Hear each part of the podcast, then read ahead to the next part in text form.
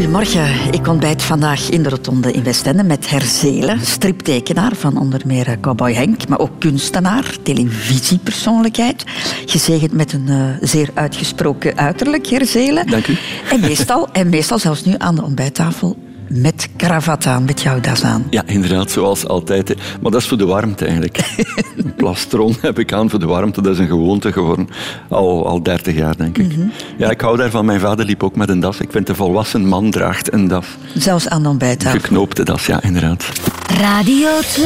De Rotonde met Christel van Dijk. Herzelen, de rotonde van jouw leven. Zullen we het eens bewandelen vandaag en even stilstaan bij alle afslagen die jij daarop genomen hebt? Ja. Denk je dat je lot uh, van meet van bij je geboorte, vast ligt? Um, ik denk 50-50. Uh, ik denk net zoals karakter en temperament. Temperament, dat uh, ben je. je. bent geboren met een bepaald temperament. Ook een gesternte. Hè. Ik ben een astrologische gesternte. Jij ook. En, maar je hebt dan ook nog karakter. Ik zie ze als 50-50. Je kunt het zelf bijsturen. En zo ook wat het lot betreft. Je, je bent wel, uh, uh, ja, hoe zeg je dat, onderhevig aan het lot, slachtoffer van het lot. Of het, het, lot speelt met je, speelbal van het lot. Maar je kunt het ook wel sturen, denk ik. ja. Niet alles kan vast, vastleggen of geschreven zijn in een groot boek, hè. dat geloof ik niet. Nee. Mm -hmm. Een mens moet beslissingen nemen in het leven, herzelen. Ja. Hoe, hoe neem jij die dan? Um, ik laat de dingen ook wel op me afkomen. Ik ben niet zo kordaat eigenlijk. Maar ik heb wel een, een soort diepe lijn in mijn leven waar ik nooit van zal afwijken. Ik ben wel heel trouw. Ik vind trouw heel belangrijk. Uh, zeker op lange termijn. Uh, trouw op lange termijn in je leven, dat je ergens naartoe gaat. Voor mij, denk ik, is dat wel de kunst. Uh, we komen uit een familie van kunstenaars. Ik, ik ben er nu toevallig ook wel voor in de wieg gelegd jouw roeping als kunstenaar is, is jouw criterium in het leven? Dat is mijn criterium mm. eigenlijk wel, ja. En al de rest is eigenlijk bijzaak. Um, maar dat is ook wel goed, vind ik. Uh, ik vind het ook wel goed om om inderdaad dat kunstenaarschap te relativeren met een ander gegeven. Met bijvoorbeeld eh, humor en zo, optredens met uh, kamagurka of uh, met pianostemmen en zo. Mm -hmm. Ik vind het ook wel goed om niet helemaal 100% voor die kunst te gaan, want dan zou je een klein beetje te veel daarin kunnen gaan geloven en dan wordt het te serieus voor me. Ja, een beetje bullshitten onder de baan vind ik wel heel belangrijk. Ook zo'n beetje ja, aanmodderen en rotzooien en uh, de weg mag beslist wel hobbelig zijn. Ik hou van een, van een hobbelig parcours, van de kromme wegen, niet zo van de rechte weg. Ik ben zo geen streber. En ik ben ook wel zeer rock and roll eigenlijk. Ik hou van rock and roll. En ik vind dat ook eigenlijk de, ook wel de, de vorm van de kunstenaar. Ik denk dat wij wel binnen die sfeer zitten van de rock and roll. Ook als beeldende kunstenaars, als schilders ook. Ook een Vincent van Gogh of een Picasso. Eigenlijk is dat rock and roll. Ik vind dat wel belangrijk om zo te zijn. Je bent een bekend iemand, uh, Herzelen. Ja, en dus dat is heeft... vreemd eigenlijk, hè, want ik heb het nooit gezocht. Hè. Maar dat betekent wel dat jij een Wikipedia-pagina hebt. Ja, ik heb die in het begin zelf geschreven trouwens. Maar ik heb die nu onlangs nog eens gecheckt en die is blijkbaar totaal veranderd door iemand anders. En die is niet, niet helemaal correct ook niet, maar kom, het is een begin. En er staat onder meer dit op te lezen. Herzelen, pseudoniem van Peter van Herzelen. Torhout, 13 april 1959, is een Vlaams kunstenaar. Striptekenaar, programmamaker, scenario-schrijver, presentator, mediafiguur, pianostemmer, hersteller en verzamelaar. Hij staat vooral bekend als tekenaar van de absurde strip Cowboy Henk. Voilà, al jouw beroepen op één hoopje gegooid. Maar wat er niet op staat, uh, Herzeren, dat, uh, dat zijn jouw jeugdjaren. Die worden daar niet op vermeld en die zijn toch niet onbelangrijk geweest. Dus wat hebben wij gedaan, of wat heeft Anne Koek gedaan? Een nieuwe Wikipedia-pagina gemaakt. Aha. Herzelen is als Peter van Herzelen geboren in Torhout op 13 april 1959. En de kleine Peter was van kindsbeen af een lichtend voorbeeld, getuigt zus Mieke. Allee, mijn ma heeft dat altijd gezegd. Als hij van een trap kwam, hij kwam binnen en het was like de zon die binnenkwam. De kleine zonnekoning van Torhout was op zijn minst een opvallende verschijning, lacht zus Mieke. Hij was uh, eerder naar de tengere kant, met uh, heel wit haar en een beetje piepogen. Zo een beetje van die pretogen altijd. Die een beetje dichter bij elkaar stonden en die altijd uh, glinsterden van plezier. Van pret. Plezierige Peter straffen was een onmogelijke taak. Zo vertelden de kleuterjuffen ooit aan zus Mieke. Hij is altijd blij. En als we bijvoorbeeld zeggen van, kijk, je moet nu met je handjes op je hoofd uh, op de speelkoer lopen. Hij vond het fantastisch. Als er kattenkwaad kon uitgehaald worden, stond Peter altijd op de eerste rij, weet buurmeisje Lieve Films. Toen uh, Peter al in de middelbare school zat, uh, waren er op school werken aan de gang. daar stonden verschillende machines, dat waren grote werken. maar op een dag waar, was dat werkvolk daar niet. En Peter had er niets beter op gevonden van op een machine te kuipen en daarmee een ritje te doen. Naast het cruisen met graafmachines viel de jonge Herselen nog op andere manieren op, verzekert klasgenoot in het middelbaar Johan van de Cavei. Want bijvoorbeeld een klaskrantje. Een klaskrantje waar hij bijna alle tekeningen zijn verzorgd. Oh, en zijn tekeningen waren altijd schitterend. Maar volgens zus Mieke was Peter bovenal een enorm... Creatieve mens. Yeah. Een beetje een uitvinder. Hij had uh, zo allerlei instrumenten ook dat hij uitvond. Uh, of dat hij maakte ook zelf. Dus uh, bijvoorbeeld met oud, uh, contrabas, uh, balalaikas, banjo's. En dat was dus ook echt bespeelbaar. Je zou het misschien niet verwachten, maar Hersele had in die tijd ook een enorme interesse voor religie, vertrouwt zijn zus ons toe. Zo erg zelfs dat hij geïnteresseerd was om... Het klooster als monnik te leven. Maar gelukkig ontmoette hij net op tijd aan de academie te Gent een Kamagurka. Op een moment zei hij tegen mij dat hij in het klooster. En ik zei dan tegen hem, waarom je dat doen? Dan zegt hij, ja, om God te, te dienen. En uh, ik zei, maar weet je niet dat, dat, dat God niet bestaat? En dat is zo, zodanig bizar dat hij dat eigenlijk ook geloofde. En dan zei hij, nee, dus goed, ga dat niet in, in het klooster aan. En zo verloor de katholieke kerk een potentiële pater. Herzelen zou zijn leven niet wijden aan God, maar aan de creativiteit. Altijd met het zonnetje in de ogen. En de rest is history. dat is fantastisch, hè? Ja. Dus ik heb zo'n grappig leven. Hè? Mijn leven bestaat uit anekdotes. Een beetje zoals Sint Franciscus van Assisi. I, Fioretti, dat is het levensverhaal van Sint Franciscus. Dat zijn allemaal grappen. Mijn leven ziet, ziet, er ook een beetje zo uit. Maar dat klopt, Kama heeft mij eigenlijk van het geloof afgeholpen. Uh, maar hij, hij, heeft ook iets heel spiritueels, vond ik. Ik zag in Kama ook een soort monnik. En in feite zijn wij ook een orde. Want het eerste uh, pseudoniem van Kama Hurka was niet Kama Hurka, maar dat was Fra Luc. Dat wil eigenlijk zeggen broeder Luc. Hè? Ja. En dat, dat, dat, bewijst dat hij, eigenlijk is dat ook een soort monnik, Kamahurka. Wij zijn een soort orde van geestelijken, maar die dan wel absurdisme plegen. Maar dat wordt in de kerk ook gedaan. Als de priester op het altaar gaat staan en bijvoorbeeld het, brood van, het lichaam van Christus toont. Hij toont wat brood, hier een pistolet, en hij zegt, dit is het lichaam van Christus. Dan is dat toch ook totaal absurd eigenlijk. Hè? Dat is, ze zien hij pas een piep, zou wij kunnen zeggen. Hè? De spreuk van René Magritte. Mm -hmm. dat, dat is surrealisme. Hè? De Rotonde. Radio 2. Radio 2. De eerste afslag herzelen in het leven, dat is geboren worden. Ja, en heel belangrijk in een bepaald gezin. En ik denk Klopt. dat je kan zeggen dat jij heel veel geluk gehad hebt hè, met Ja, het absoluut. gezin waarin dat je geboren bent. Ja, inderdaad. En bij ons, in ons gezin, leefde ook het idee dat kinderen uh, de ouders kiezen. Dat, uh, dat, want uh, wij geloven sowieso in reïncarnatie. Dus een, een ziel, uh, een, een etherlichaam gaat na het overlijden, zweeft dat dan wat rond hier in de kosmos en dan zoekt het weer een ander lichaam om te reïncarneren, om weer vlees te gaan worden.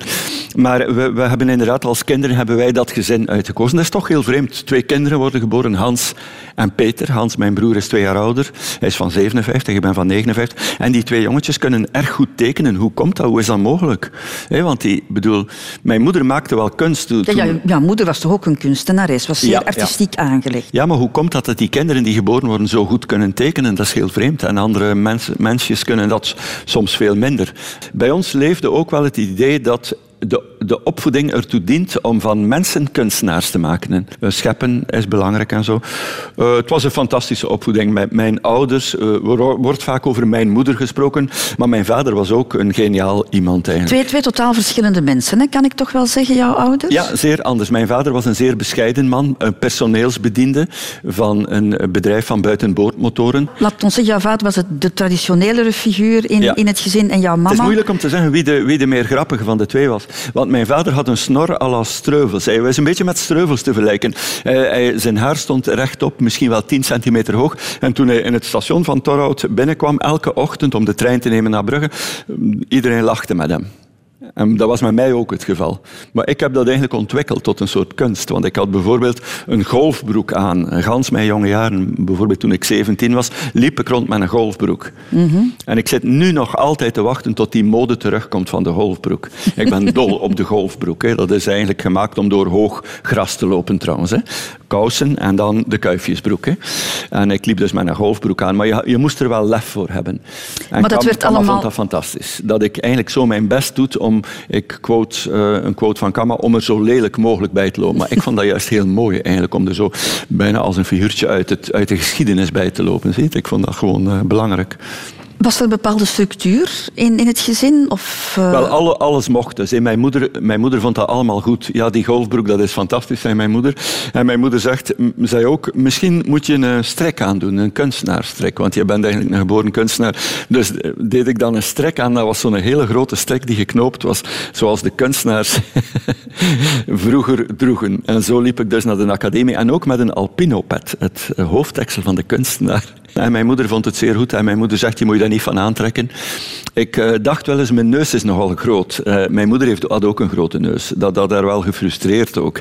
Maar mijn moeder zegt, ja, je zou toch niet wel zo'n klein mooi neusje hebben. Die neus eh, staat je goed. Voor een man wijst dat natuurlijk ook op een zekere persoonlijkheid. Hè. Een, een grote neus, dus ik heb ermee leren leven. Ik ben eigenlijk dol op mijn neus. En Kamma is ook dol op mijn neus. Ik heb een heel plastische neus. Kijk, Christel. En Ah ja, die- denkt... Ja, die beweegt Die alsof beweegt daar geen beentje in zit. Ja. En Kamma denkt trouwens dat die neus gemaakt is van gom. Dat ik daar dus, als ik Cowboy Henk mee teken, dat ik daar door mee, met mijn neus ook kan mee gommen. Maar nu het zegt, inderdaad, het, zou- het, zou- het zou Je- kunnen. Het is een ja. Mhm. prachtige neus. Hè? Dus we hebben geleerd in ons gezin om al die dingen leuk te vinden. Hoe je er ook bij loopt, alles is goed. Hoe zotter, hoe beter eigenlijk. Eh, dat was de teneur. Mijn grootmoeder heeft dat ook al ontwikkeld. Mijn grootmoeder en mijn moeder waren ook al twee van die freaks, als het ware. Mijn moeder was een heel speciale dame. Mijn moeder is de beste vrouwelijke kunstenaar. Eh, daar mag eigenlijk een soort vuistslag bij op tafel van, van de naoorlogse tijd. Mijn moeder was gewoon top en heeft ook de grote prijs van de stad Brussel gewonnen. En, eh, dus, en dan is mijn vader erbij gekomen. Mijn vader was eigenlijk een hele simpele knaap. Eh, hij liep er totaal verouderd bij. Hij had nog een hele lange pardessus aan toen mijn moeder hem leerde kennen, die zo tot 10 centimeter van de grond. Hij droeg ook een klein alpinopetje, maar zo'n kleintje. Eh, echt belachelijk. Eh, maar mijn moeder was gecharmeerd door dat personage van mijn vader. Eh, maar ze waren totaal anders. Mijn moeder was meer complex, artistiek en mijn vader was meer de eenvoudige man. Maar hoe belangrijk is dat gezin voor jou geweest, Peter? Het feit dat jij jezelf kon zijn, dat er ook in jou geloofd werd? Ja, absoluut. Dat gezin was een, eh, zoals het hoort, eigenlijk was, was een wereldje apart. Het was heel moeilijk om dat gezin te verlaten. Toen ik plots in aanraking kwam met een grote wereld, een academie in Gent, was moeilijk voor mij. Eh, ik zat graag thuis. Mijn moeder was een zeer moderne vrouw. Ik had geen goesting. Eh, de jonge mensen van Torhout waren niet zo modern als mijn ouders. Eh, alles werd gestimuleerd. Als wij een tekening maakten, werd er op de schouder geklopt. Dus een, echt. een veilig kokon waarin jij op Het was fantastisch. Het was fantastisch, ja. eh top gezin en eh, met mijn broer en mijn zus erbij. ja, het was echt top. de schoolperiode herzelen. Dat is een belangrijke periode in het leven van een mens. Ja. Hoewel jij daar allicht anders over dacht of, of denkt. Klopt, ik ben een beetje anti-school. De school heeft me nooit gelegen. Je Ik haatte was- de school, hè? Kan ja, ik heb zelf de school, zeggen? Wel, gehaat is misschien... Ja, eigenlijk toch wel. Nee, dat was ook omdat ik het zo goed had bij mijn, bij mijn ouders. En mijn moeder was eigenlijk mijn grote leraar. Vooral op vlak van kunst. Ik vond mezelf al kindkunstenaar als tienjarige. En mijn moeder kon me dingen bijleren over compositie. En ook over Cowboy Henk later kon zij hele interessante dingen zeggen. Maar je moest wel leren lezen, je moest leren schrijven, leren inderdaad. rekenen. Maar ik had toen al een neiging naar een soort meer eh, vintage school. Ik hield eigenlijk niet van de moderne school die in de 60s opkwam. Dat was de school met de bezinningsdagen, waarin dan, eh, ja, het was allemaal een beetje modern. Ik was eigenlijk een fan van de ouderwetse eh, schoolbanken waar je met gekruiste armen zat met een pot inkt. Ik heb nog leren schrijven met een greffel trouwens, een lei en een greffel. Maar een, een, een pot inkt en een pen, een kroontjespen, dat vond ik fantastisch. Ik, en ik, een leraar met een stofjas. Ik hield eigenlijk vooral van de vormgeving van de oude school, de 19e eeuwse school, de vroege school. En de moderne scholen lag me niet zo. Het was te, het was te ja, ik weet niet, te, te veel bezinningsdag, te veel, uh, ja, uh, kom, kom uit jezelf, toon wie je bent. En ik vond dat allemaal flauwekul eigenlijk. Mm die, hip, die hippie-sfeer zo. En je overtrad eigenlijk al heel snel regels, Serzele, want heeft jouw zus toch verteld? Je spijbelde al in de kleuterklas. Ja, inderdaad, inderdaad. Ja. En ik deed graag straf ook. en ik deed vooral graag straf, omdat ik dan eigenlijk niet in de klas moest zijn. Terwijl ik eh, in de hoek stond met mijn handen, dan stond ik apart, was ik niet in de klas. Dat was een voordeel. Alles om de, om de klas te ontlopen. Ja, school was echt niets voor mij. Ik, uh, ik ben meer geneigd tot een ambacht, tot echt een vak leren. Dat heb ik dan later ook gedaan. Maar het is ongelooflijk, want jouw zus vertelde dat jij, je, je ging dan wel, je vertrok naar school, maar je ging je verstoppen. Ja, en dan kwam je daarna terug en dan deed je... Ik ging me verstoppen, maar mijn moeder zag me zitten eigenlijk. ik, ik zat onder, dat waren van die grote rollen uh, elektrische kabel. Er was zo'n bedrijf achter ons huis. En daar zat ik op te spelen, de hele ochtend eigenlijk, als vier, vijfjarig. Dus ik, ik liep toen al weg van school. Hè. En uh, de lagere de middelbare school, dan werd het er uiteraard niet, niet beter op? Nee, ik heb dat allemaal gedaan, maar allemaal een beetje tegen mijn hoesting. Maar het, er zijn wel bepaalde dingen dat ik misschien wel leuk vond. Ik denk geschiedenis en bepaalde vakken. Nederlands ook. Ik kon wel goed opstel schrijven, bijvoorbeeld. Was je alleen in de klas, in de zin van... Had men respect nee, voor nee, jou? ik was of? eigenlijk zeer, ook wel zeer populair in de klas. Iedereen was dol op mij. Ik ben zeer goed lachs.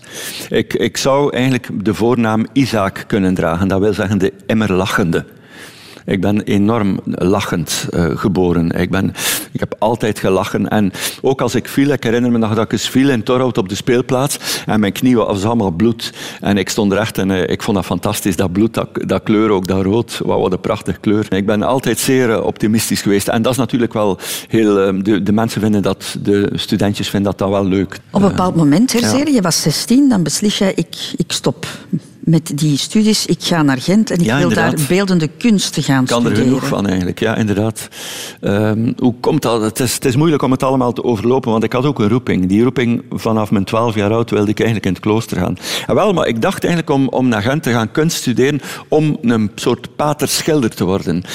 Dat is ook wel omdat in de religie zijn er heel veel schilderijen gemaakt. Het leven van Christus, fantastisch leuk om uit te beelden natuurlijk. Hè. Mm -hmm. Maar goed, 16, je moet je ouders wel overtuigen hè, om dat te mogen doen. Om te stoppen met jouw studies en naar Gent te verhuizen. Inderdaad, dat was, dat was zeer ongewoon. Mijn broer was twee jaar ouder en die vertrok naar Gent, naar Sint-Lucas. En ik dacht, ik wil niet alleen in Torhout achterblijven. Ik was, dus had ik blijkbaar een zeer dichte, hechte band met mijn broer Hans. En toen heb ik een brief geschreven aan mijn ouders. Uh, zeer ouderwets eigenlijk, aan de beste ouders. Ik zou graag in uh, Gent gaan studeren. Uh, die brief moet nog ergens liggen in de nalatenschappen, denk ik. Maar ik zou ook eigenlijk wel graag de school verlaten en naar Gent gaan. Ik heb zo'n brief en ik heb dat s'avonds onder hun deur gestoken van de slaapkamer. Uh, en dus zij vonden die brief en dachten van... Ja, waarschijnlijk is dat toch een hopeloos geval. We gaan dat maar toelaten. Maar fantastisch wel, Peter, dat jouw ouders zoveel vertrouwen in jou hadden op 16-jarige leeftijd. Immens veel vertrouwen, ja. Ik, uh, maar zo hoort het. Hè. Ik, wij, wij, wij, zouden dat, wij zouden dat ook wel afgedwongen hebben in onze... Wij pikten het niet als onze ouders bijvoorbeeld iets verkeerd op vlak van opvoeding tegenover ons deden. Dan zouden we ze terecht gewezen hebben. Ja, maar, zouden we gezegd hebben, dat klopt toch niet wat je zegt. We hebben nooit straf gekregen, we hebben nooit een slag gekregen of zo. Het, was, het was een hele moderne opvoeding. Ik noemde mijn vader Joris of George en mijn moeder Odette. We stonden op gelijke voet van hen. Hè. Het was immens open. En mijn grootmoeder was ook part of the family. Die kwam bijna iedere dag bij ons naar televisie kijken en zo. We hebben die fantastische vroege tv-jaren meegemaakt. Tv gekocht in 1972 of in 1971 of zoiets. Ik zat te schilderen terwijl de rest van de familie naar televisie keek. Dat ik hun te portretteren. Want mensen die naar tv kijken zijn een ideaal model. Omdat ze heel, omdat ze heel stil zitten staren. Doden of televisiekijkende mensen zijn eigenlijk ideaal om te schilderen. Ze bewegen niet meer. Radio. Radio 2. Over de afslagen van het leven. De Rotonde. Erzele, we hebben het net gehad over de brief die jij aan je ouders geschreven hebt met de vraag hè, om naar Sint-Lucas te mogen gaan in, in Gent. Je was 16 toen. Is dat niet heel jong om in zo'n grote stad alleen te zitten? Ja, inderdaad. Dat was vrij jong. Uh, het waren moderne tijden. Het was de hippie-tijd. Ik vond het ook niet zo leuk. Ik ben maar twee weken op kot geweest. En ik, ben, ik, heb, ik heb ermee gestopt na twee weken. Uh, de Plotersgracht in Gent, waar... Uh, ja, het was het begin van de Gentse feesten ook, herinner ik me nog. De, het was in de, in de jaren 70, in 75 of zoiets was het. Nee, ik, ik, ik, hield er eigenlijk niet van, omdat het, het was wel de hippie-tijd. Ja, aan zich hou ik daar wel van, van, van dat freaky gegeven van de hippies. Mijn moeder was ook een soort hippie avant la lettre. Maar... Um, Eigenlijk lag het me niet. Ik, ik, ik heb dus gependeld. Ah ja, dus je, je keerde terug naar die veilige kokon. Terug naar, Inderdaad, ja. altijd weer terug naar Torhout. Uh, iedere avond. En uh, het, is, is me eigenlijk nooit gelukt om, om een van die jongens te worden. Zo. Een van die kerels van Gent. Zo, van, uh, nee, ik, maar je zat daar wel graag. Bedoel, de, de studies slagen jou wel? Nee, nee, niet echt. Ook niet? Nee, het was niet ambachtelijk genoeg. Nee, het was te modern allemaal. Het was conceptuele kunst en zo op de academie. Nee, in feite lag me dat niet.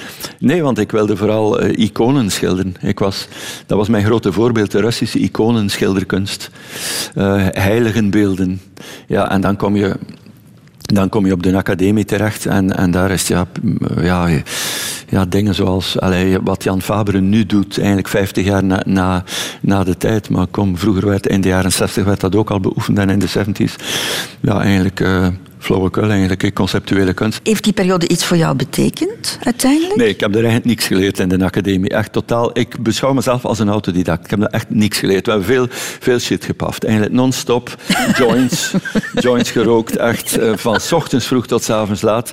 En, maar ik deed dat eigenlijk niet zo graag en ik kon, kon dat eigenlijk goed imiteren.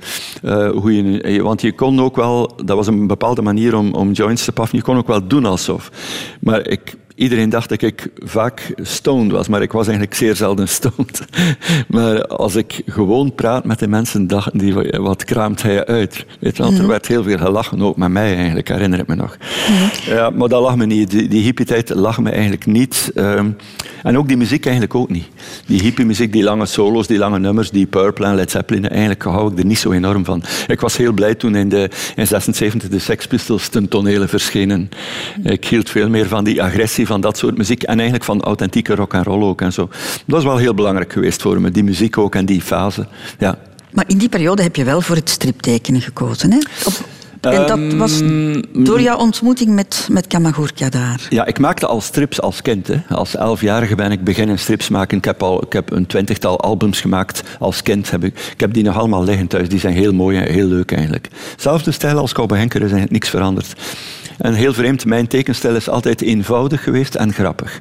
En de tekenstijl van mijn broer die was eigenlijk veel esthetischer, veel mooier, veel complexer, maar minder grappig. Maar veel, veel mooier gemaakt, met een veel fijnere pen. En ik koos dan al als kind, als elfjarige, voor die dikke lijn. Die dikke lijn die de vroege Hergé-strips ook typeren. De vroege kuifje, kuifje in Afrika en zo, dat soort uh, stijl. Maar die ontmoeting met Kamagurka is toch bepalend geweest voor, voor, voor jouw toekomst? Ja, ja, ja, ja. ja, ja. Ik, ik ben wel dol op Kama, maar tegelijkertijd is het ook wel, is het ook wel een, het is een vreemde ontmoeting. Want eigenlijk de academie heeft me niets bijgeleerd, maar Kama de ontmoeting. Maar Kama, dat was wel de belangrijke ontmoeting volgens mij. En de eerste tekening dat ik ooit zag van Kama was eigenlijk vrij chockerend. Dat was, uh, Kama had een verhaaltje getekend. Dat was een man die aanbelde aan een voordeur. En terwijl hij stond te wachten tot een mevrouw komt opendoen, was hij aan het masturberen. En toen kwam hij klaar op die dorpel van dat, die deur. En toen deed die mevrouw open en gleed uit over dat kwakje sperma. En uh, ik denk dat het wel kan voor de luisteraars van Radio 2, toch? En, uh, dat, maar dat was al heel chockerend, want ik kwam van dat katholieke Torhout. Maar die sfeer in Oostende uh, was toch heel anders. er leefde in Oostende, denk ik, een meer hardere humor, een meer brutale humor. Kama was meer die sfeer. En Kama was ouder ook, hè. En Kama was wel een doorwinterde absurdist, was opgegroeid met, met Frank Zappa en zo, met echt puur absurdisme met de bullshit en zo. Ja, eh, voor mij was dat wel veel belangrijker dan de academie. Het zijn eigenlijk twee dingen. Je had de academie en dan Kama kwam daar plots bij. En we zijn een soort, ja, een soort compagnons geworden, eigenlijk, als het ware, getrouwd met elkaar. Maar dat is een heel belangrijke beslissing in jouw leven geweest, die, de, de, samenwerking tussen... We, we, treden nog altijd op, het is ongelooflijk. We treden al meer dan 40 jaar op en we doen nu shows. Ik denk dat dat eigenlijk van het beste is wat er ter wereld gebeurt op vlak van absurdisme. Het theater dat wij nu brengen. Het is geen stand-up comedy, 100% gegarandeerd geen satire, beste luisteraars. Dus echt uh, lachen hier en brullen ook wel. Maar ik heb toevallig vanavond in een droom de ideale titel ervoor gevonden. Uh, want we zoeken al heel lang een titel. Dat is heel moeilijk om een titel voor de show te bedenken. En weet je wat een fantastische titel zou kunnen zijn? The one and only Kamahurka en Herzelen. Ik vind dat een fantastische titel.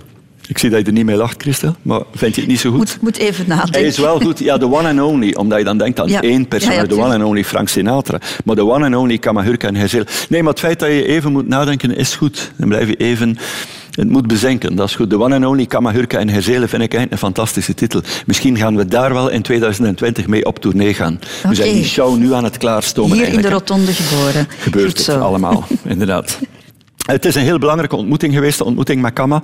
Uh, ik ben wel heel dankbaar. Ik vind, ik vind het een fantastisch fijne samenwerking. Maar het is, ook wel, het is ook wel een dramatisch iets, want ik had ook een andere levensweg. Eigenlijk zitten we hier nu echt wel met een heel moeilijk punt. Het is een soort rotonde wel. Ik ga hem nog een paar keer rondrijden. Je hebt dat soms, hè? Mm als je zonder GPS rijdt, dan ga je, of met de GPS, dan weet je niet eens nu die afslag, de nummer drie of de nummer vier. Maar ik ga nog een paar keer die rotonde pakken om te kijken welke afslag moet ik nu pakken. Ik had eigenlijk graag wel mijn leven zonder Kama gedaan ook. Dat zou pure schilderkunst geweest zijn. Zonder jouw ontmoeting met Kamagurka had jij misschien gewoon kunstschilder geweest. Het is een immense ontmoeting. Het is, het is eigenlijk een van de grote ontmoetingen uit de kunstgeschiedenis. Dit zijn twee ja, ik weet niet of ik dat over mezelf mag zeggen, maar dit zijn eigenlijk twee meesters die elkaar ontmoeten in de kiem. Dus die ontmoeten elkaar. Het is, het is ongelooflijk. Het doet mij denken aan Rubens en Van Dijk. Dat is toch ook een ongelooflijk iets. Antwerpen. Rubens heeft dat fantastisch atelier. Daar komt een jonge knaap werken, Van Dijk. Wel, het is echt dat, kan, maar hij zegt wel, Rubens en ik ben eigenlijk meer Van Dijk. Het is echt zoiets. Het is heel zeldzaam in de kunstgeschiedenis. Hoe kan dat nu plots? Dat twee van die geesten die zo op elkaar geënt zijn. Dat is ook een lotsbestemming. Dat is ook karmisch. Wij zijn karmisch ook met elkaar verbonden, enorm. Ik heb eigenlijk wel uh, geleerd om niet meer grappig te zijn door met Kama te werken. Want uh, als je met Kama werkt, is eigenlijk, uh, het neemt alle moed weg. Hij is altijd beter. Je, je, je zit samen om moppen te bedenken, dan kom je met een ideetje af. Nee, Kama gaat er zeker een schepje bovenop doen. Kama is gewoon de beste humormaker ooit ter wereld op dit moment. En de beste humormaker die we ooit in Vlaanderen hebben gehad en die we ooit gaan hebben. Dat is een ongelooflijk fenomeen. Radio 2. De Rotonde. Herzelen, we hebben het net over jouw studies beeldende kunst gehad. Ja. Maar daarna kies jij voor jouw tweede grote liefde. En dat zijn muziekinstrumenten. Ja, inderdaad. inderdaad. Wel, mijn zus zei het net al even. Um, ik maakte als kind mijn muziekinstrumenten al zelf. Ik ben een, een soort uitvinder. Ik, ik, ben heel goed met mijn handen. Maar niet, niet enorm goed. Ik ben meer zo... Uh, ik kan een gezellig muziekinstrument maken, maar niet een heel nauwkeurig muziekinstrument. Ik ben geen echte... Maar je deed het wel en ze waren bespeelbaar. Ja, ze waren bespeelbaar. En ze waren... Ja, ja dat, ik heb alle instrumenten gemaakt, van doedelzak tot klavecimbal. Als kind heb je dat allemaal zelf gemaakt. Er moesten wel kastdeuren voor sneuvelen, dat schijnt. Ja, ja, ja. Niets was veilig in ons huis. Bij, bij, ja, wij, wij, als wij wilden schilderen, dan namen we gewoon een deur, een, een, een deur van de kast, bijvoorbeeld van de kleerkast. En daar werd dan op geschilderd een, een heiligenbeeld of whatever. En dat mocht allemaal, dat werd zelfs aangemoedigd. Absoluut, absoluut. Ja. Dat is heel vreemd dat dat mocht. Ik, ik denk dat, dat, dat ook amusant was voor mijn ouders, dat dat plezant was. Uh, niemand heeft ooit gezegd, halt, stop daar eens mee. En dan besluit jij om naar Wales te gaan herzelen. Oorspronkelijk om, om vioolbouwer te worden, maar het is dan uiteindelijk pianostemmer Ja, het is, het is, het is een vreemd iets. Uh, ik denk dat ik ook nog een soort onafhankelijkheid zocht tegenover Kama. Um, want Kama is, een, is een, toch een dwingende persoonlijkheid. Ik zocht een onafhankelijkheid. En um, ik, ik was eigenlijk een soort platonisch verliefd op een meisje, Veerle, uit Torhout. En, maar die had een tijdschrift thuis, dat noemde The Strat. Dat komt van Stradivarius. Dat was het, uh, het blad voor uh, vioolbouwers. Een heel gespecialiseerd blad. En daar stond een kleine advertentie in. Word vioolbouwer in Wales. En mijn vader was nogal goed in het schrijven van sollicitaties. Mijn vader heeft dan geschreven naar die school en heeft mij ingeschreven in die school. Maar toen ik daartoe kwam, bleek dat de vioolbouwklas al vol zat. En toen hebben zij langs hun neus weggevraagd aan me, maar waarom zou je geen pianostemmer worden? En dat was echt het laatste van mijn dag, een pianostemmer. Maar ik heb geen talent voor toonhoogte. Ik ben echt, ik kan niet zingen ook. En dan, en dan ben ik eigenlijk door een heel vreemd, een vreemde speling van het lot ben ik pianostemmer geworden. En toen viel meteen eigenlijk mijn frank, dit is een fantastisch beroep. Je, je zat daar heel erg afgelegen, hè? daar in, in, in, in, in Wales.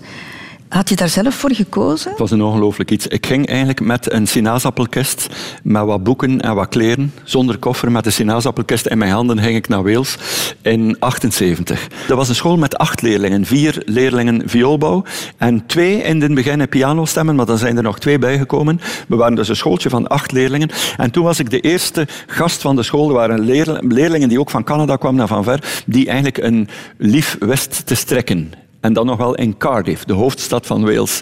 En dat was Sally. En Sally, dat was een punkmeisje. En uh, Sally is dan later naar Oostende komen wonen. Dat is heel vreemd. Die is mij gevolgd naar Oostende en die woont nog altijd in Oostende. En dat was een hele vreemde verschijning. Ik, ik hou zo van, ja, een beetje van freaks eigenlijk, van bizarre mensen. En Sally, ja, dat, dat was een echt punkmeisje. En ik herinner me toen zij pas in Oostende woonde, de postbode kwam iets bestellen. En ik keek naar haar en zijn mond viel open. Ik, ik, hou eigenlijk van die freaks. Ik ben, ik ben dol op, uh, op freaks, op, uh, op rare gasten en zo. Ik weet, ik weet, niet waarom dat is, maar ik, ik vind dat heel normaal eigenlijk. Bijvoorbeeld een bankdirecteur met een Mohicaans kapsel. Voor mij zou dat normaal zijn. Zolang die man een uh, middenscheiding heeft, betrouw ik hem niet. Maar laat hem mij een lening aansmeren met een Mohicaans kapsel, wel, dan ga ik onmiddellijk op de knieën voor zo'n lening. Ziet? Ik hou zo meer van, ja, van die bizarre toestand. Maar de punk, punkbeweging was belangrijk. Ik zat daar eigenlijk op een fantastisch moment in Engeland. Uh, punk, ja, waarom eigenlijk? Wel, punk ook een beetje de agressie, het, uh, de, het snelle. Ik heb de Ramones gezien in Cardiff in 78, dat was heel vroeg. Hey ho, let's go, heette die tournee. Uh, ik heb ze vijf keer gezien, ik heb platen laten signeren, ik heb met ze gepraat met al die gasten. Dat was eigenlijk een vreemde combinatie, want ik was een pianostemmer. En de pianostemmen is de cultus van de stilte. Je moet ook je gehoor beschermen natuurlijk. Hè. Uh, cultus van de stilte, het muziekinstrument, de piano, edel instrument. En dan hou ik tegelijkertijd van eigenlijk dat rauwe, dat, uh, de rauwe energie van de punk, dat lelijke van de gitaar ook. Punkmuziek zijn lelijke gitaren, valse gitaren en zo. Was Wales voor jou ook belangrijk om uit die veilige kokon van, van thuis te ja, dat klopt. Om, om, om, de wereld te leren kennen? Dat klopt, daar is dat wel gebeurd. En de Engelsen waren dol op mij. Want ik ben een... I'm a very uh, old-fashioned gentleman. Ik hou jassen, ik doe deuren open voor dames. Ik ben zeer old-fashioned. En de Engelsen houden daarvan. Als je zo beleefd bent, queue en in de rij gaan staan wachten. Ik kan dat enorm goed. De Engelsen waren eigenlijk dol op mij. En zij noemden mij daar ook Crazy Pete, was mijn bijnaam Crazy Pete. Is dat pianostemmen ook een goede beslissing geweest omdat het beroepszekerheid gaf? Herzelen? Um, ja, inderdaad. Ik heb dat pianostemmen gedaan omdat ik een onafhankelijkheid zocht als kunstenaar. Ik vond het een gevaarlijk uh, precedent om kunstenaar te zijn en daar te moeten van leven. Stel, je, dat, wat moet je dan gaan doen? Dan moet je schilderijen gaan maken voor, uh, voor de klant, voor mensen die schilderijen willen. Maar dat is dan een, ja, dat publiek interesseert mij niet. Dat is de, de, de mens die wat meer geld heeft en zo. Ik heb daar eigenlijk lak aan ook als als ik nu op straat zou komen te staan, stel dat Humo uh, de boeken moet dichtdoen, wel, dan ga ik misschien weer opnieuw pianos gaan stemmen. Ik wil het even hebben over jouw keuze om macrobiotisch te eten. Ja. Herzelen, kan je heel kort, ik weet dat dat voor jou moeilijk is, maar kan je heel kort uitleggen wat dat precies is? Wel, het is een energetische voedingsleer gebaseerd op yin en yang. Het is eigenlijk uh, um, voeding, genezing door voeding. Mm -hmm. En dat heb je van je moeder meegekregen? Ja, mijn moeder is in 1968 ermee begonnen. En uh, wij zijn dan met tegenzin in het begin hebben we dat gevolgd, Hans ons gezin. Maar dan zijn we grote fans van het systeem geworden en ik, ik doe het al 50 jaar. Mm, je bent dat blijven volgen. Ja, ik ben dus, de oudste macrobiotica denk ik van Vlaanderen eigenlijk. Ja. En je bent ervan overtuigd dat dat een goede weerslag heeft op, Wel, op jouw uh, lichaam? Mijn bloed is eenmaal getest, een jaar of acht geleden is nu, denk ik. En toen heeft de dokter uh, kwam, kwam, uh, kwam binnen in de, in de hospitaalkamer en zegt: Ongelooflijk, proficiat, jij hebt het bloed van een pasgeboren baby. En ik vraag, wat, wat wil dat zeggen? En hij zegt, je kunt je leven opnieuw beginnen. Je hebt een fantastische bloedkwaliteit. En mijn huisarts, dokter De Wilde, wist dat het kwam door de gezonde voeding. Hij weet hoe ik eet. En hij zegt, jouw voeding, daar scheelt werkelijk niks aan. Dat is fantastisch, dat is perfect. En je merkt nu ook, de moderne voedingsleren neigen meer en meer naar wat wij al 50 jaar doen. Uh, biologisch, uh, volle granen, granen groenten van het seizoen. Ja, dus je bent erg met je voeding bezig, met, met jouw gezondheid ja. ook. Maar dan een tiental jaar geleden zeker, laat Ja. jouw lichaam jou toch in de steek. Het waren aanvankelijk longproblemen, maar dan is er een hartprobleem zeggen, ja, bijgekomen. ik, had, ik had eigenlijk een dubbele longontsteking, maar mijn dokter eh, had dat niet gezien. Dat was een dokter om het hoekje waar ik woon. Hij had dat niet gezien. Hij had het moeten zien voor het weekend. Ik ging dus vrijdag naar die dokter. Hij zegt, nee, het is geen probleem, je bent gewoon vermoeid. En ik probeerde hem daar ook van te overtuigen. Ik ben gewoon vermoeid. Maar de dokter maandag, na het weekend, dokter De Wilde, mijn fantastische huisarts, eh, hij had meteen gezien wat het was en hij zegt, jij ligt op sterven. En zijn vrouw, die ook eh, dokter is, is er ook bijgekomen en zegt, jij bent op sterven. En ik zeg, ben helemaal besodemieterd? Ik, ik voel me fantastisch. Er is echt niks met mij aan de hand. Maar toen hebben ze mij gedwongen naar het hospitaal gevoerd.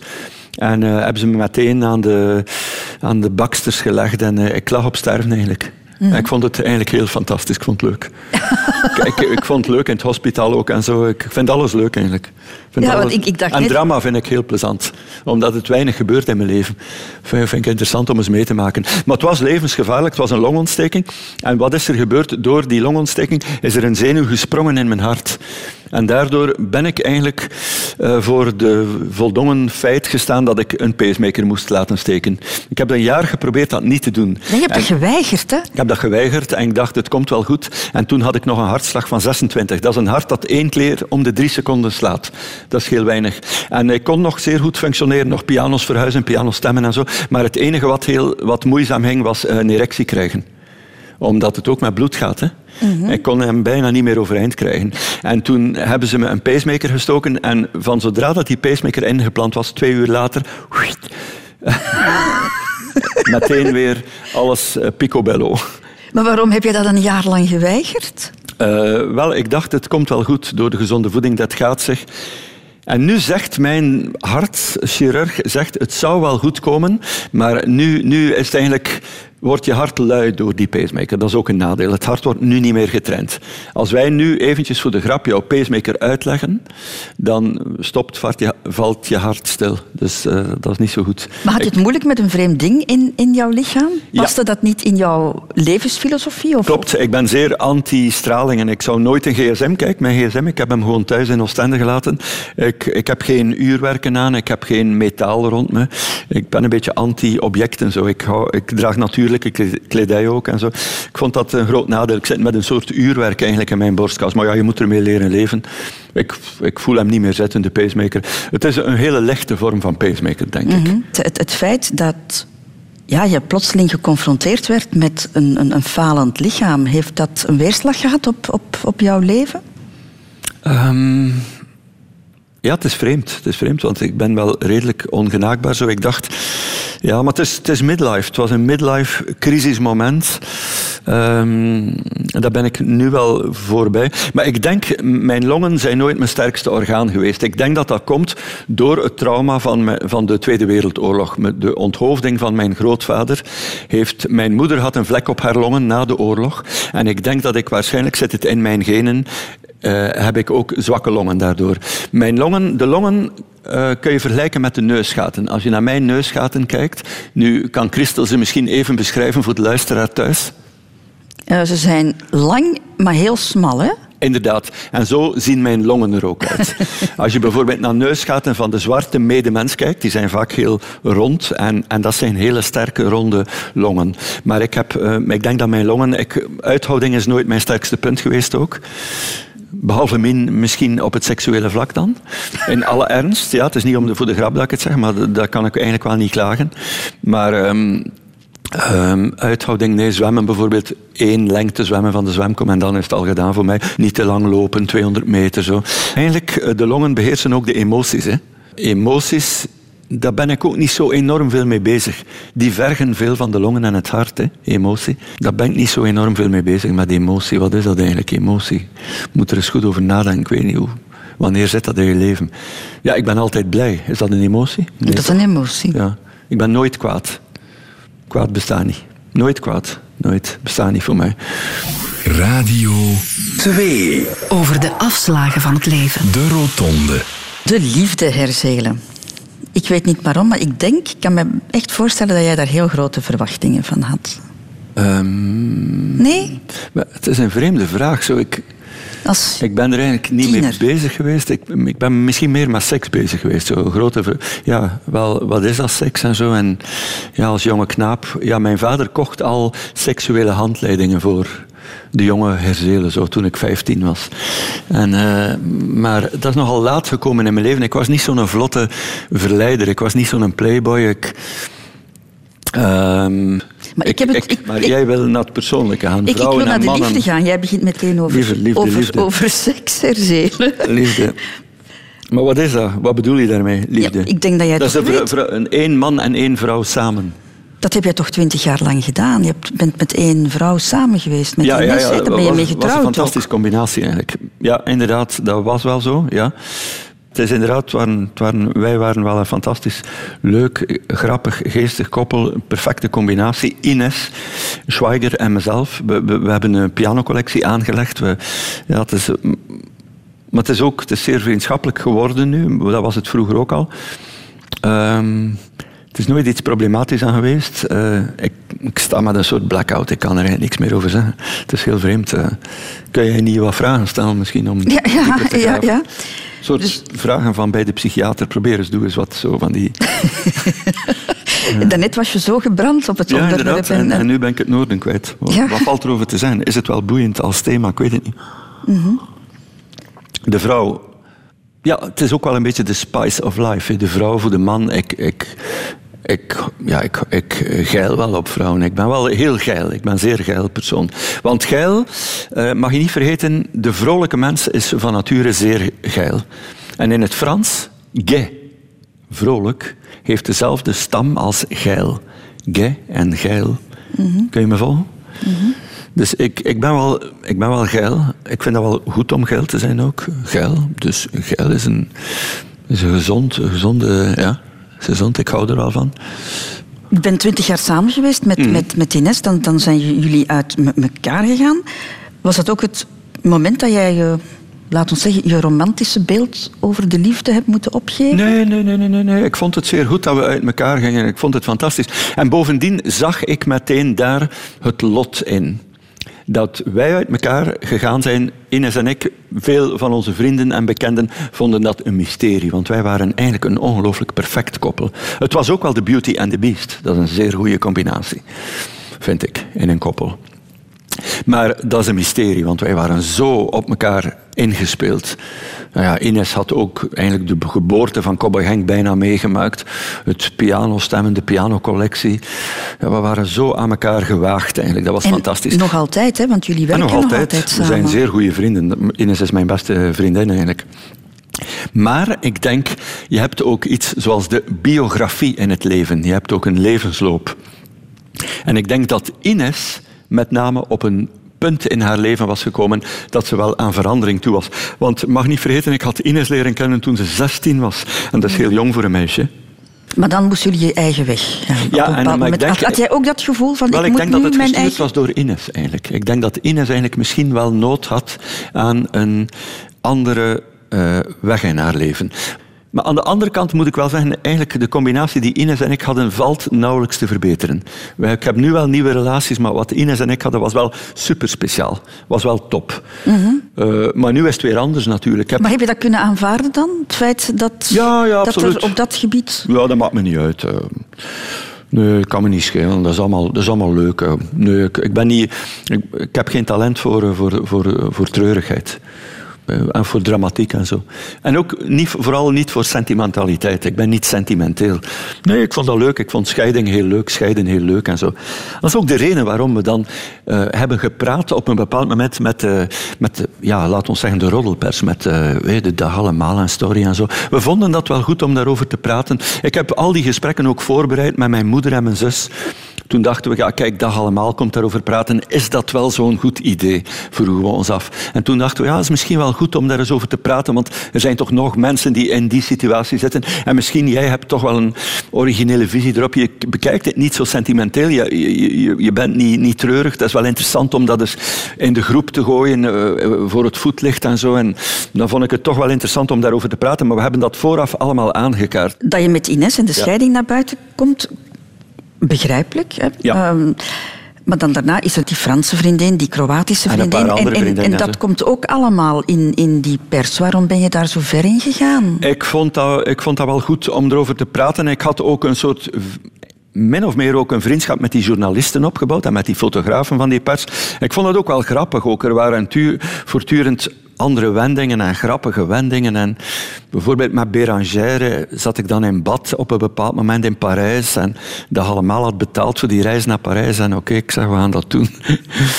Ehm, ja, dat is, dat is ook allemaal een beetje voor de grap en zo. Ik vond dat heel grappig. Maar heb, heb je nooit gedacht dat dat jouw geloofwaardigheid misschien zou kunnen aantasten? Ja, dat is een vreemd iets eigenlijk. Ik, ik zou het misschien niet meer doen, omdat je niet kunt winnen van, van dat soort media. En eigenlijk, als ik die artikels nu bekijk, vind ik ze eigenlijk niet zo enorm geslaagd. Eh, omdat je ook afhankelijk bent van, van die journalisten. En, maar aan zich was het allemaal wel terdege. Wat ik deed, was, was wel... Ik kan mezelf wel recht in de spiegel kijken. Ik deed niks verkeerd. Het is heel moeilijk voor de, voor de man die dan single wordt. Dan leert hij wat vrouwen kennen. Maar ik vind dat niet zo erg om dat eens te zeggen tegen een blad en daar een artikel over te schrijven. Ik vond dat juist een feest. Eigenlijk heb iemand ontmoet. Voilà. Een vrouw aan de haak kunnen slaan. Het is fantastisch. Maar je hebt nu een nieuwe vriendin Herzelen en daar ben je veel discreter toch over? Ja, ja ze, ze heeft ook al een interview voor Humo gegeven. Hè. De media ja, vinden dat dan toch wel fascinerend. Ik, ik, denk, ik denk dat de media een klein beetje het idee hadden van... eh, ik ben een clown en de, een nar en het, the tears of a clown. De tranen van de clown. Dat is, dat is een fascinerend iets. Hè. Iemand die altijd grappig is, ook wel ongenaakbaar. De nar is ongenaakbaar. Hè. Want de nar aan het middeleeuwse hof mag alles zeggen tegen de koning. Hij mag zeggen, jij bent een onnozelaar. Een dikke onnozelaar tegen de koning. En de koning zal ermee lachen. Dat is allemaal niet erg. En dan blijkt die nar toch een ander kantje te hebben. En ik denk dat dat een fascinerend uh, stereotype is. Dat wel graag en, en ik denk dat, dat daarom de media door in mij gefascineerd waren. Maar ik, ik denk dat mijn visie heel moeilijk te begrijpen is voor de media. Omdat ik het altijd van, van op een spirituele manier door het leven ga, op een geestige manier. En zij hebben altijd het een beetje platvloerser proberen te maken dan het was. Ik zag het eigenlijk allemaal als spiritueel. Maar ja, ik heb na mijn scheiding met Ines heb ik wel een achttal jaren door een soort ruwe zee gevaren op vlak van relaties. Maar ik vind dat wel goed ook. Ik heb dat meegemaakt, ik vind dat wel goed. Ik vind, vond dat juist ook wel heel interessant om mee te maken. Dus ik vind dat allemaal oké. Maar de media maken het wel een beetje platvloers. Dat, dat is wel een feit. Dat was niet zo... Nee, nee, eigenlijk zou je daar op een hele mooie manier kunnen over schrijven ook. Uh, kunnen we daarover praten? Hoe, hoe, brengen we dat naar buiten? Maar ik ben, ben je aan het vervelen, zeker? Ik, nee, nee ja. maar ik snap wat je ja. bedoelt. Allee, zeg. De liefde ja. blijkt nog het moeilijkste onderwerp te zijn. Dat is hè? een moeilijk thema, blijkbaar. Ja? Waarom is dat? Omdat... Omdat, misschien omdat het minder grappig is. Ja, het is inderdaad minder grappig. Alles in mijn bestaan was vrij grappig. Hé. Dat monniken bestaan en noem maar op. Hé. Dat, uh, dat leven on the road met Kama was ook wel grappig. En dan de liefde. Uh, is voor mij meer moeilijke materie. Ik zei het al. Ik ben er niet zo uh, virtuoos in misschien, in liefde. Of minder gladde jongen ook wel. Ik ben niet zo glad. Ik ben niet zo'n playboy eigenlijk. Ik ben authentieker. En misschien is het ook wel... Die, de, mijn ouders hadden een fantastisch gezin, die twee. En dan probeer je als kind ook een soort iets te hebben. En dat lukt bijna niet om dat te vinden. Je hebt geen kinderen, Herzelen. Nee. Is dat een bewuste keuze geweest? Maar niemand van ons gezin heeft eigenlijk kinderen. Dat fantastische gezin van mijn moeder heeft eigenlijk geen nageslacht opgeleverd. Mijn zus heeft een kindje, een fantastisch meisje, geadopteerd van Kazachstan. En die is prachtig. Uh, dat is Altinay, dat is een goede vriendin van me. Maar uh, nee, niemand van de kinderen van mijn ouders heeft, een na heeft kinderen. Wel, kan je dat nee, verklaren? Ik had wel graag kinderen gehad eigenlijk. Uh, ik denk dat het voor ons kunstenaars sowieso al vrij moeilijk is om een relatie te beginnen, omdat je bent op de eerste plek toch ook met je, met je kunst getrouwd. Hè? En bij mij is dat dan nog dubbel. Ik ben zeer intensief met Kama bezig.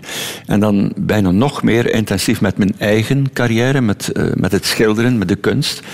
Uh, is, is een, ja, een belangrijke taak voor de mens die ik ben. Dat is mijn levenstaak. En ik denk dat het niet evident is voor een vrouw om met zo iemand te kunnen wonen. Mijn moeder heeft me daar al voor verwittigd. Mijn moeder was ook kunstenaar, maar mijn vader was ook een hele, uh, hele fijne man die dat toch wel aanvoelde. En het is dus heel moeilijk voor een vrouw om in zo'n situatie terecht te komen. Want voor die kunstenaar, het is, het is een zeer uh, het is alles of niks. Hè. Kunst maken is, het is erg moeilijk iets. Het is toch nog iets anders. Het is ook wel een vak. Hè. Het is een vakmanschap is erg belangrijk. Maar een meubelmaker, ja, die maakt de meubel. S'avonds gaat hij misschien gaan slapen. Maar de kunstenaar heeft nooit gedaan. Maar die kinderen, zijn die er dan niet gekomen omdat ze een belemmering zouden vormen voor jouw werk? En voor jouw concentratie en, en, aandacht? Die kinderen zijn er niet gekomen uit vergetelheid. Ik, ik ben het gewoon vergeten op een bepaald moment. Ik, uh, ik heb ten dienste van Kama gestaan, uh, eh, 40 jaar lang. Ten dienste van Kama, van de humor ook. Ik werk binnen de sfeer van Kama. Ik sta ten dienste van Kama, maar ik sta ook wel op een gelijk niveau, enigszins van Kama. Maar Kama is wel, ja, die... die uh, onsterfelijke humorist. Maar die heeft wel kinderen natuurlijk. Die en, heeft kinderen. en, jij bent ze gewoon vergeten. Ja, ik, ik heb het altijd ongelooflijk gevonden hoe Kama in zijn drukke bestaan nog tijd had voor de opvoeding van de kinderen. Ik denk dat het ook met vallen en met opstaan was bij Kama. Ik denk ook niet dat het zo evident was. Want Kama is zo'n harde werker. Maar Kama is een harde werker, maar heeft ook een immense energie.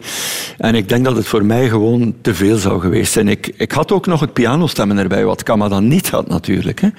Mm -hmm. Je hebt een lange relatie gehad, daar hebben we het net over gehad. Twintig jaar, is daar dan nooit over gesproken? Ja, tuurlijk. De bedoeling was wel om het te gaan doen. Maar Ines was 33, symbolische leeftijd, toen wij uit elkaar gingen. En de, onze bedoeling was, we gaan ermee wachten tot Ines 36 of 38 is. Pardon, maar toen toen is de scheiding dan gekomen. En, uh, en uh, de scheiding is gekomen. Ik werd lang, al langs maar ouder. Hè. Uh, ik was dus uh, al 50 ongeveer bij de scheiding. En toen, ja, nu ben ik 59 en op een bepaald moment moet je zeggen, ik, ja, ik ben er gewoon wat te oud voor, voor kinderen. Maar heb je dat ooit als een gemis ervaren? Uh, het had het wel kunnen doen, maar ik ben nu zeer goed bevriend met de, het kindje van mijn ex, Leon, is mijn beste vriend. Nee, dus de kinderen zijn in mijn leven, kinderen zijn nogal dol op mij, dat is een, dat is een groot mysterie eigenlijk. De meeste kinderen uit mijn buurt zijn absoluut dol op mij. Ze vinden, ja, ze vinden me fantastisch eigenlijk. Ze vinden me leuk. En ik ben dol op kinderen. Maar mocht je het er doen, herzelen, zou je dan toch die stap zetten? Nee, ik zou niks er doen. Ik vind, vind het allemaal goed zoals het is eigenlijk. Nee, het is oké. Kinderen had gekund. Het zou wel heel grappig zijn om te zien hoe die eruit zouden zien met mijn hoofd. de kinderen van Herzelen. Het zou heel grappig geweest zijn, maar Dine is ook bijvoorbeeld zo'n mooie dame. En dan die combinatie van de Beauty en de Beast. Normaal is dat wel zeer goed voor de, voor de genen natuurlijk. Hè. Normaal komt daar wel een interessant uh, iets uit, denk ik. Ik zou wel een, een, een prima vader geweest zijn. Maar eerlijk gezegd, mijn moeder heeft ons altijd ook op het hart gedrukt. Kinderen krijgen is niet zo belangrijk in het leven. Je bent geen goed mens omdat je kinderen hebt. Het maakt jou, Christel, je hebt ook een paar kinderen, het maakt jou niet tot een beter mens. Dat staat daar helemaal los van. Je kunt ook een goed mens zijn als solitair mens. Kijk naar Vincent van Gogh. Op 38 gestorven, geen kinderen, tragisch leven. Maar toch een heel belangrijk mens in de samenleving. Goed voor de mensheid. Groot uiveren, interessant uiveren, waar we nu nog altijd plezier aan hebben. Dat is ook belangrijk. Mhm. Ik maak iets waar mensen plezier aan hebben, hopelijk nog tot jaren na mijn dood. Het uiveren van Cowboy Henk en andere dingen. Maar je had je genen kunnen doorgeven en, jouw talent? Nee, dat hoeft niet per se. Opvoeding is ook ja, het is, een, het is een levenswerk. Ik heb natuurlijk ook dat fantastische levenswerk gezien bij mijn ouders. Mijn moeder was een fantastische kunstenaar, zoals ik aan het begin van de uitzending al zei. De beste naoorlogse vrouwelijke kunstenaar. Al zeg ik het zelf. Maar zij heeft alles opgegeven voor de opvoeding van de drie kinderen. Dat is dan een soort, ja, een soort explosief gezin. Eh, Hans, Peter en Mieke. Alles is, is, is naar die opvoeding gegaan. Zij heeft alles daarvoor opgegeven.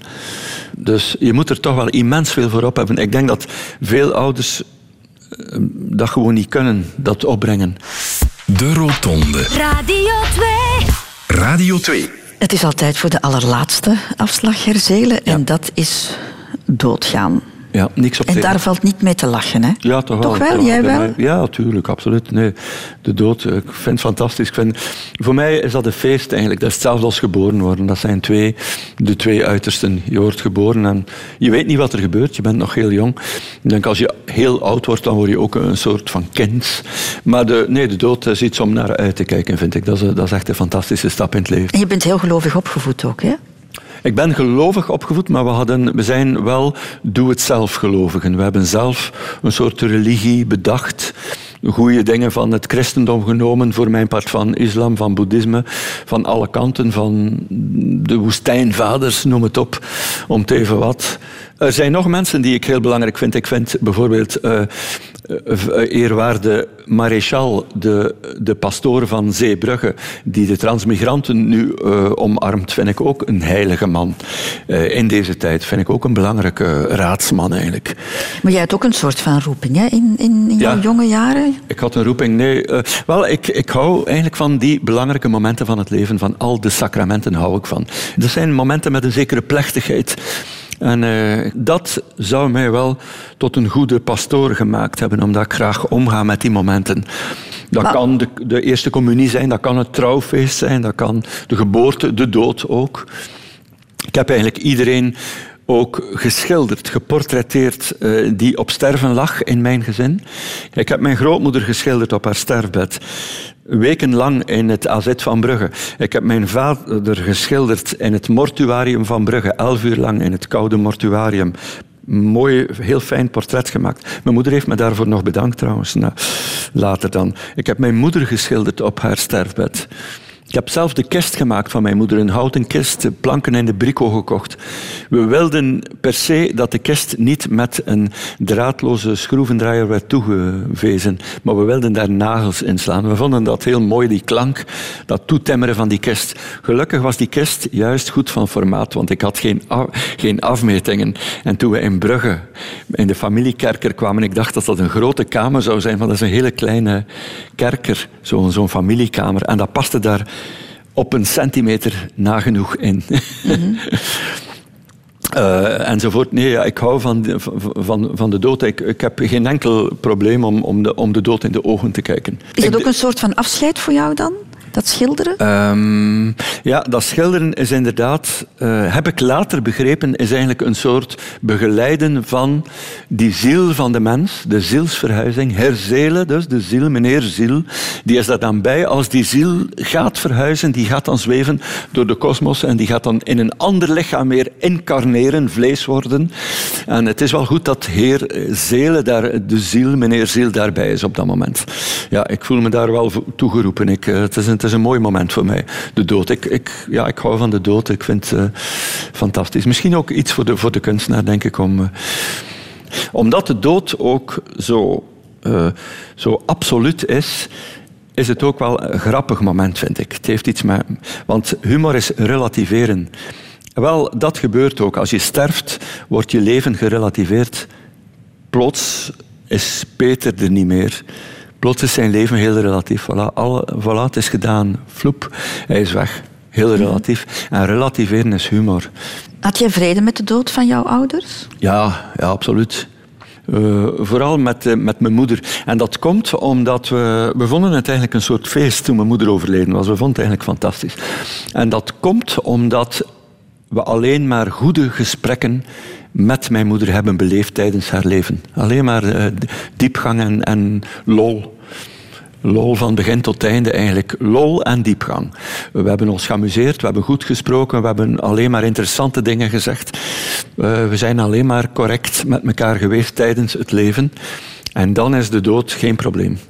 Maar ik denk veel mensen die het moeilijk hebben met de dood, die, dat is omdat het nog onaf is. Omdat ze tijdens het leven niet tot een, tot een uh, volledige symbiose zijn gekomen, tot een, tot een echt samen zijn. Wij wel eigenlijk. Maar je praat heel veel over jou. Je had een heel grote, ja. hechte band met haar en dan is ze er plotseling niet meer.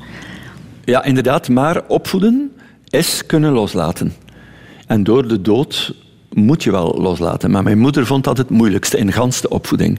De kinderen loslaten. En je moet ze toch loslaten als ze volwassen worden, 20 jaar oud of zo, uh, ja, meerderjarig, dan moeten ze toch losgelaten worden. Je hebt je moeder ook moeten loslaten? Nee, ik heb die niet moeten loslaten. Die, die, die, die heeft haar eigen gang gegaan. Die is, die is naar een ander oord vertrokken, met veel plezier trouwens. We hebben gewoon uh, gezwaaid zo van uh, goede reis. En, nee, uh, we, waren wel vrij, denk ik, van onze ouders. Ik denk dat wij kinderen van het gezin, van Herselen, pannenkoeken, toch wel hele vrije kinderen waren en niet, geen, uh, niet gebonden aan de ouders. Nee, we, we hebben dat wel vroeger al kunnen zetten, die stap. Ik denk niet dat dat door de dood gekomen is. De dood is dan nog een andere, uh, meer spiritueel gegeven eigenlijk en zo. Maar ik denk dat de doden ook nog wel tussen ons zijn, ook eerlijk gezegd. Ik denk dat zij ons begeleiden en zo. Ja. Herzelen, ik wil jou nog bedanken voor de fijne babbel hier uh, aan de ontbijttafel. Ik ben goed wakker, je bent een soort wervelwind, hè? een ongeleid projectiel niet meer zelf. Zei, zei mijn vriendin Katja laatst in Humo. Ja, en de bedoeling is dat ik nog iets in het gastenboek dat schrijf. Dat zou heel fijn ja, zijn. Ja. En dat wordt dat? vaak gevraagd in, in, hotels en op tentoonstellingen en zo en bij voorstellingen. Maar ik heb dan de neiging om een tekening te gaan maken. Voor mij het beeld is eigenlijk uh, belangrijker dan woord. Ik ga eens mijn held tekenen, maar dan gaan we er toch proberen iets, een soort verhalende tekening van te maken. Dus kijk, dus de fantastische cowboy Henk. Radio 2. Maar we gaan eens kijken. Misschien Henk die luistert naar mij dan. Wacht, en we gaan. Ik ga hem hier een micro in de hand geven. Wacht eens even, we kunnen misschien. Ja, dat is wel mooi. We gaan Henk in het water zetten. Want dit is een prachtige locatie hier, de Rotonde in Westende, met zicht op de Noordzee. De zee is groen, eigenlijk net zoals in de strips van Kuifje. De zee is niet blauw, maar lichtgroen, gras. Glasgroen, flessengroen. Prachtige, enigszins woeste zee hebben we nu. En wat we gaan doen is, daar drijft het hoofd van Herzelen. Kijk, dat is Herzelen. We gaan zijn prominente neus hier op het einde. Zo, die fijne oogjes kwamen ter sprake. Enigszins glimlachend. We gaan zo een, een glansplek op zijn kale glimmende schedel plaatsen. En dan wordt hij door Henk geïnterviewd in het water. We gaan dat doen met een micro. Die micro hangt aan een hengel. Op het einde van die hengel zit natuurlijk Christel op een bootje. Kijk eens, en Christel heeft een vis gevangen. Niemand minder dan Herzelen. En Cowboy Henk. Ja, en dat is hier de rand van jouw bootje, kijk. En dat gaan we noemen de rotonde. Wat ik ga doen is, ik ga de datum er nog bij schrijven. En dat is eh, uh, 2018. Herzelen.